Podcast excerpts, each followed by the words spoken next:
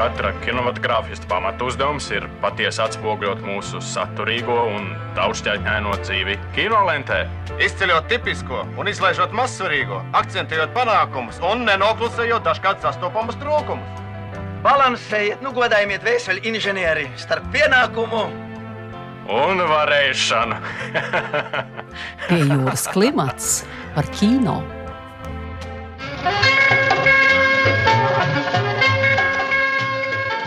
Esiet sveicināti, pīrāgs klimata klausītāji! Pirms 60 gadiem, 7. aprīlī, pirmizrādi piedzīvoja britu režisora Maikla Pāvela filma Toms Lūriķis par kādu vīrieti, Marku Bēmu, kinoperatoru un operatoru asistentu, kurš ir pārņemts ar nepieciešamību fiksēt ar savu rokas kameru dažādas viņu satraucošas un uzbudinošas ainas. Marku vajā traumatiskas atmiņas par bērnību, kad viņa tēvs, ievērojams psihoterapeits, mēdz piekopt visai nētiskus eksperimentus, negaidīt modināt mazo dēlēnu, lai uzfilmētu tā baiļu reakcijas. Bailes, šausmas, tās ir emocijas, kas pēc tam fascinējušas Marku visu dzīvi. Viņš ir izstrādājis īpaši izsmalcinātu kinematogrāfisku veidu, kā nogalināt savus upurus, skaistas sievietes. Šis inovatīvais un šausminošais ierocis ir teju saplūdes ar viņa kinooperatora skatienu. Nospriegotu, spriedzes caurstrāvotu, skaņu celiņu Pāvela filmai radīja Brians Īsdēls. Šobrīd varam dzirdēt mazliet no tā.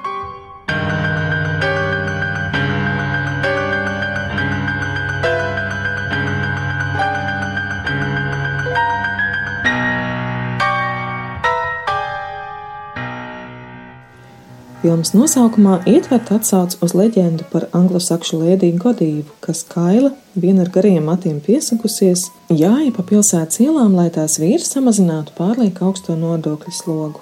Tikai kāds pilsētiņas iedzīvotājs vārdā Toms nebija paklausījis lēdijas lūgumam un neaizvērs lēģus, slepus nolūkojoties uz daļavu, par ko viņa piemeklēja sots aklums. Toms Lūriķis iegājis tautas valodā kā apzīmējums skopofīlijai jeb voārismam – procesiem, kuros bauda tiek gūta kādu novērojot, uzlūkojot kā iekārs objektu. Britu kinoteorētiķa Laura Malvei uzskatīja, ka šī kāra, zinkāra redzēt, ir kino valdzinājuma pamatā, ka tas ir seksuāls instinkts, kas koncentrēts skatienā. Ja runājam par periodu, kad kino noteicošais bija melngējs, jeb vīriešu skatiens.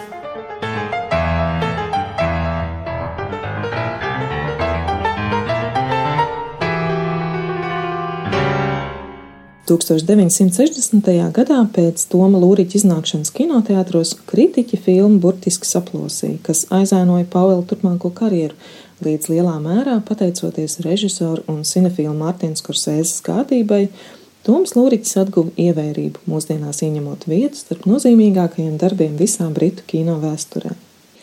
Kad sarunā par Pāvela filmām kinokritiķis Marks Kermots vaicāja režisoram Mārtiņam Skorsēzēm, kāds ir viņa kā kino veidotāja viedoklis par šo voāristisko skatienu, kas Tomā Lūriķī saista slepkavu un kino veidošanu, Skorsēze atbildēja.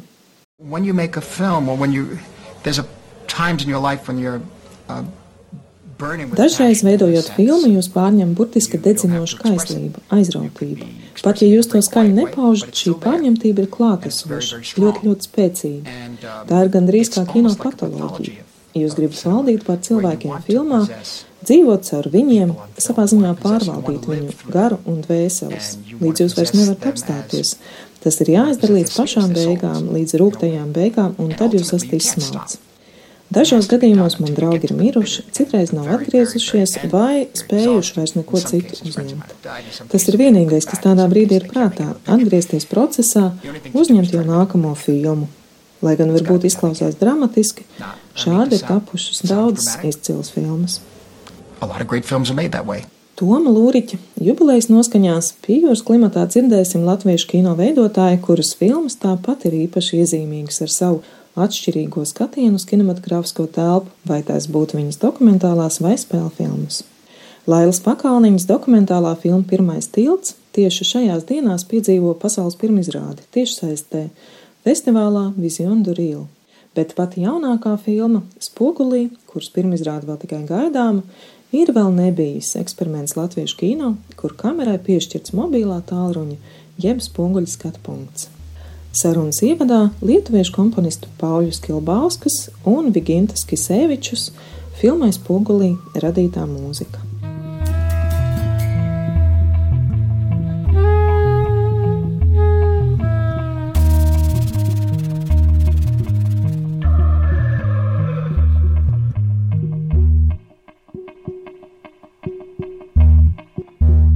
Laila, kad cerams atsāksies kinofestivāla ierastā dzīve, tad uh, varam sagaidīt arī tavas jaunākās spēļu filmas, Spogulī, pirmizrādi.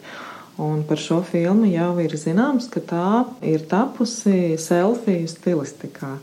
Tātad kamera it kā aizstāja mobīlo tālruni, jeb spoguli, kurā veras šie varoņi. Un skatītāji kļūst savā ziņā par kameras aci. Vai mēs Tātad skatītāji, kas atradīsimies šajā kameras otrajā pusē, atcaucoties uz Maikla Pāvela filmu, arī nekļūsim savā ziņā par tādiem kā novērotājiem, par tomiem lūriķiem. Hmm. Nebiju iedomājusies šādā pavērsienā. Jā un nē. Nē, tāpēc tad jau mēs esam lūriķi arī lietojot um, Instagram un Facebook skatītāji. Jo mēs tur redzam tik daudz selfijas un tam līdzīgas izpausmes. Neskatoties uz to, ka tā ir cilvēka it kā saruna pašam ar sevi, tāpat laikā selfijas jau ir domāts tomēr um, citu patērēšanai. Tā, man liekas, ir atšķirība no lūriķa. Kino vienmēr ir bijis cieši saistīts ar skatienu, jeb redzējumu. Un kā tas veidojas tavās filmās? Vai tas ir operatora vai režisora skatiens, jeb arī tas ir kopdarbs, kur mēs redzam? Nu, vienkāršāk man laikam būtu pateikt kopdarbs, bet tas, um, protams, ir daudz komplicētāk. Aktieru filmās droši vien to ir vieglāk izskaidrot, kā tas notiek, jo es uh, uzrakstu to, ko es redzu. Es faktiski jau rakstu kadrējumu. Ir ļoti viegli uzzīmēt kadrēm pēc tā, kā es pierakstu kadru jau scenārijā. Un tad nākošais posms ir, ka mēs tam ejam cauri ar operatoru, un operators vēl pieliek klāt savu redzējumu. Un tad uh, laukumā, protams, ir korekcijas. Bet uh, dokumentālā kino tur ir tas nosacījums. Pirmkārt, uh, man ir jāstrādā ar operatoru, par kuru es esmu pārliecināta, ka viņš redz tā kā es, un vēl mazliet labāk. kā tas ir strādāt kopā, to es um, pati pārliecinājos. Mēs meklējām vietas filmai kā rote, filmēšanas vietas Rīgā. Nekur citur mums nebija tādas iespējas aizbraukt iepriekš. Tad mēs braucām un filmējām tur uz Azerbaidžānu, Ķīnu. Bet Rīgā vispirms mēs ar Gintu izbraukājām tās vietas, kur mēs apmēram varētu braukt un filmēt. Un Mēs nostājāmies vienā vietā, Vecstaugava, nu, kaut kur tur pie sliedēm. Un Gins fotografēja tieši tādā formātā, kā mums tas kadrs varētu izskatīties. Un es viņam teicu, nu, uztais vienu tādu, kur tā māja ir pa vidu un tas koks tur. Un viņš teica, hallo, es jau nu pat tādu uztaisīju. Tieši, tieši, tieši to, ko es redzēju. Vai tu kā dokumentālā kino režisora un tu kā spēļu filmas režisora, vai tie ir divi dažādi cilvēki? Nē, tas ir tas pats. Tas ir pilnīgi tas pats, kad es mācījos kino institūtā, speciāli stājos uz dokumentālu kino režisoriem, kas nebija tik vienkārši, jo dokumentālu kino režisors uzņēma vienreiz trīs gados. Bet es sev teicu, ka nemūžam netaisīšu aktieru filmas, un pagāja seši gadi, kopš es pabeidzu institūtu, un es jau filmēju savu pirmo filmu filmu. Bet uh, es, man liekas, to sev atļāvu, tāpēc, ka es nonācu pie secinājuma, ka principā jau tā valoda ir tā pati. Tikai tas veids, kā mēs to kadru būvējam, tas tā nedaudz atšķirās. Teiksim, kompozīcija veido kā vienā, tā otrā gadījumā. Jautājums ir par tiem kustīgajiem kompozīcijas elementiem. Ja dokumentālā kino mēs viņus pārsvarā sagaidām, tad aktieru kino mēs viņus paši tur ieliekam iekšā un kustinām. Tā jaunākā filma, Pirmais tilts, pasaules pirmizrāde piedzīvojas tiešsaistē, nu pat festivālā Visions tur iela. Ko nozīmē filmas pirmizrāde pandēmijas laikā? Vai pirmizrādes skatītāji redzēja arī tavu uzrunu? Nē, bija tā, ka um, festivāls um, teica, ka viņi tehniski nevar um, izveidot uh, jautājumu un atbildžu sesijas. Un, ja to filmu ir daudz, un cilvēki skatās brīvi izvēlētos laikos, un kas attiecas uz uzrunu, man bija iespēja ierakstīt uzrunu un citi to ir izdarījuši. Nu, vai jebkādu filmu prezentāciju uztaisīt. Bet man kaut kā likās, ka šī gadījumā man ir jāpaklusē, jo man liekas, ka tā filma ir tik kompakta. Viņai ir jārunā pašai par sevi. Nu, ja kāds tur kaut ko nesaprot, ne jau ar savu uzrunu es tur varētu viest skaidrību, tad tā man uzruna būtu jākabina klāt filmai kā tādai.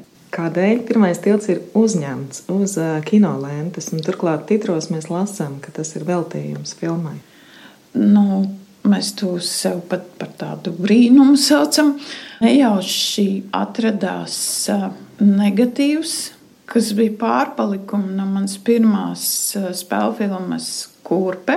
Un, mēs uztaisījām probi. Un, um, izrādījās tas negatīvs 21 gadu laikā glabājoties eh, nepiemērotos apstākļos. Tas ir zem rakstām galda, kur viņam nebija pieejama tāda konstanta temperatūra. Nu, vislabākais būtu, ja šie 21 gadus būtu pavadīti leduskapī nu, vai kādā pagrabā ar konstantu temperatūru.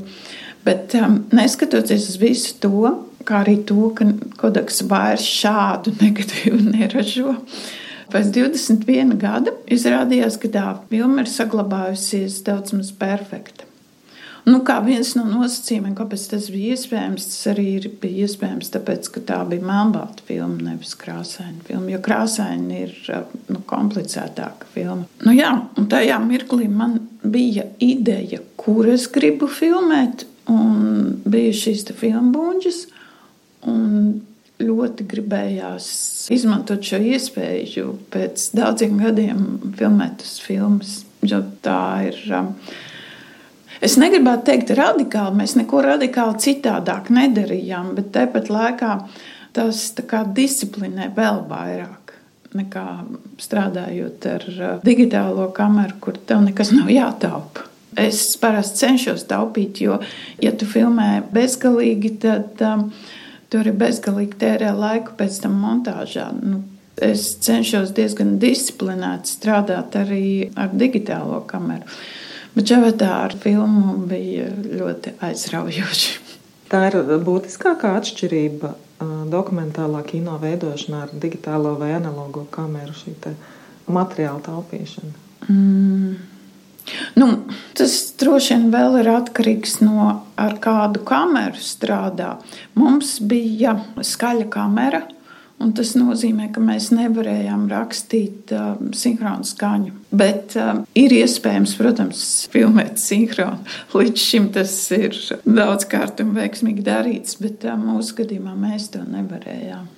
Un tāpēc mums skaņu operators bija mums līdzi visas reizes, kad mēs braucām uz Krāslavu, bet uh, viņš strādāja citā vietā, mēs strādājām citā vietā. Vai jums bija kāda īpaša nozīme tam, ka tas ir pārpalikums tieši no kurpes, vai jūs prāt kaut kāds kurpes nospiedums bija palicis arī šajā materiālā? Nu, mēs pārāk sevi ar šo faktu neapgrūtinājām, bet tepat laikā nu, tas tā simboliski jauki arī bija. Pirmais tilts ir eh, dokumentāla īsfilma par Krāslavas tiltu. Kā tilts kļūst par filmas galveno varoni? Kā radās šī iecerē? Nu, iecerē man, laikam, jāsāk no tās gala, ka Man jau laikam neko tālu no brāļiem Limjēriem es neesmu aizgājis, ka tur tie nosaukumi un tas, par ko viņi filmē, bija tādas vienkāršas lietas. Tur vilcienu pienākšana, strādnieku iznākšana no rūpnīcas. Un man arī patīk ieraudzīt vai iedomāties pēkšņi kaut ko tādu, kas savā būtībā ir um, vienkāršs. Man ir uh, autobus, man ir um, prāmis, vēļa, pasts. Un tās filmas tā kā atnāk, viņas pēkšņi ieraugās. Un um, ar to tiltu arī tā bija. Mēs filmējām Zirdziņu halā pie Krāslavas, un mēs dzīvojām nevis tur, kur Krāslavas centrs, bet tā saucamajā pārdaugavā, kas tur arī ir pārdaugava. Un katru rītu un katru vakaru mēs tur braucām. Mēs redzējām to tiltu dažādos gaismu režīmos. Man gribējās tur atgriezties un filmēt to tiltu. Kā notika pati filmēšana? Jūs jau braucāt tur ar gatavu kadru plānu, jeb filmu tomēr atradat to savu veidolu uz vietas jau tur? Uz vietas, jo tas ir ļoti atkarīgs no gaismas apstākļiem.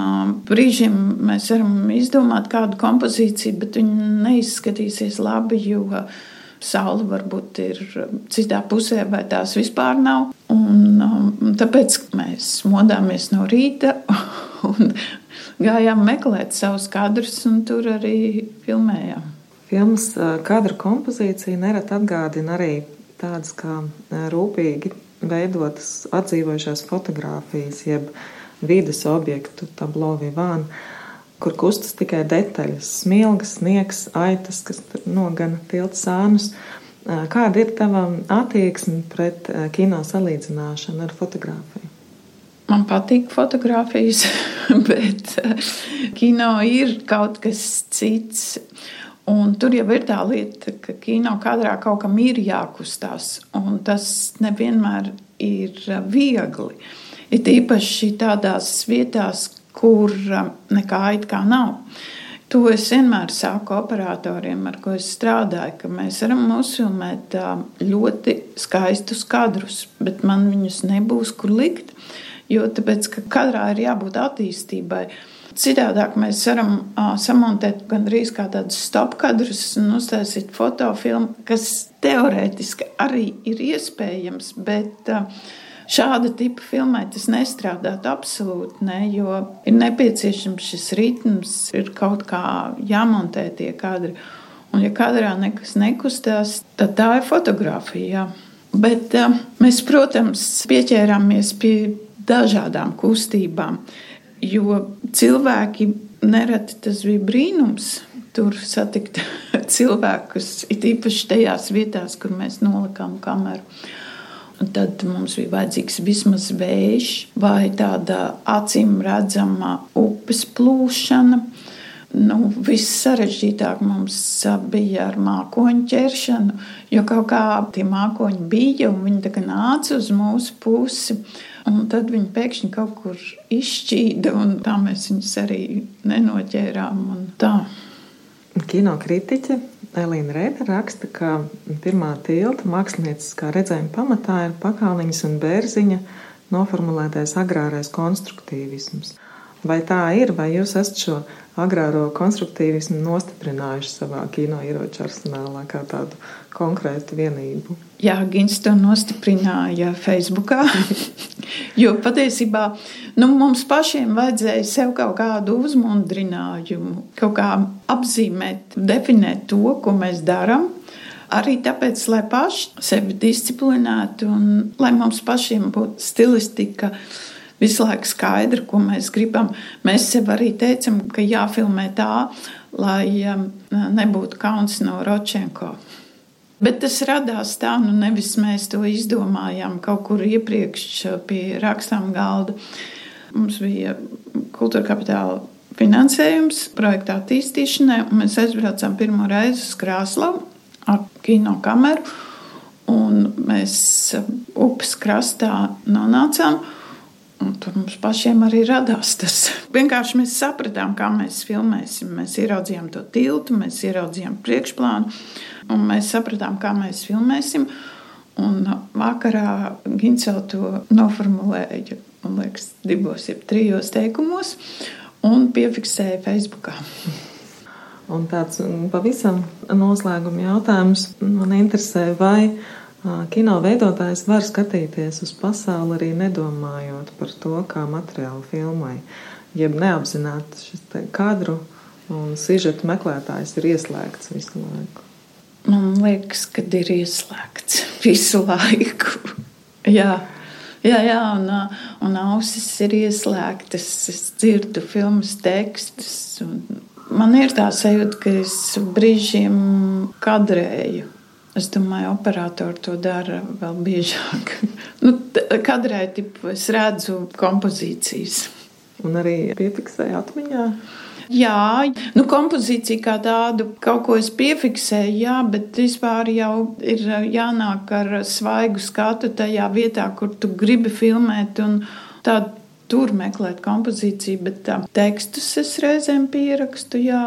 Ja mēs runājam par tekstiem un kompozīcijām, tās ir konkrētas lietas, bet vēl ir kaut kas, kas tiešām ir um, gaisā, vibrē kaut kur, tās ir idejas. Un, Un tās jau arī radās no mm, gaismām, krāsām, skaņām. Bet uh, viņu konkrētā izpausme ir uh, tā arī saucās ideja, filmu idejas. Tās arī piefiksēja. Tad atliek gaidīt uz uh, kinoteātru atbrīvošanu un uz gaidāmajām pirmizrādēm arī Latvijā. Paldies par sarunu. Studijā viesojās Laila Pakalniņa.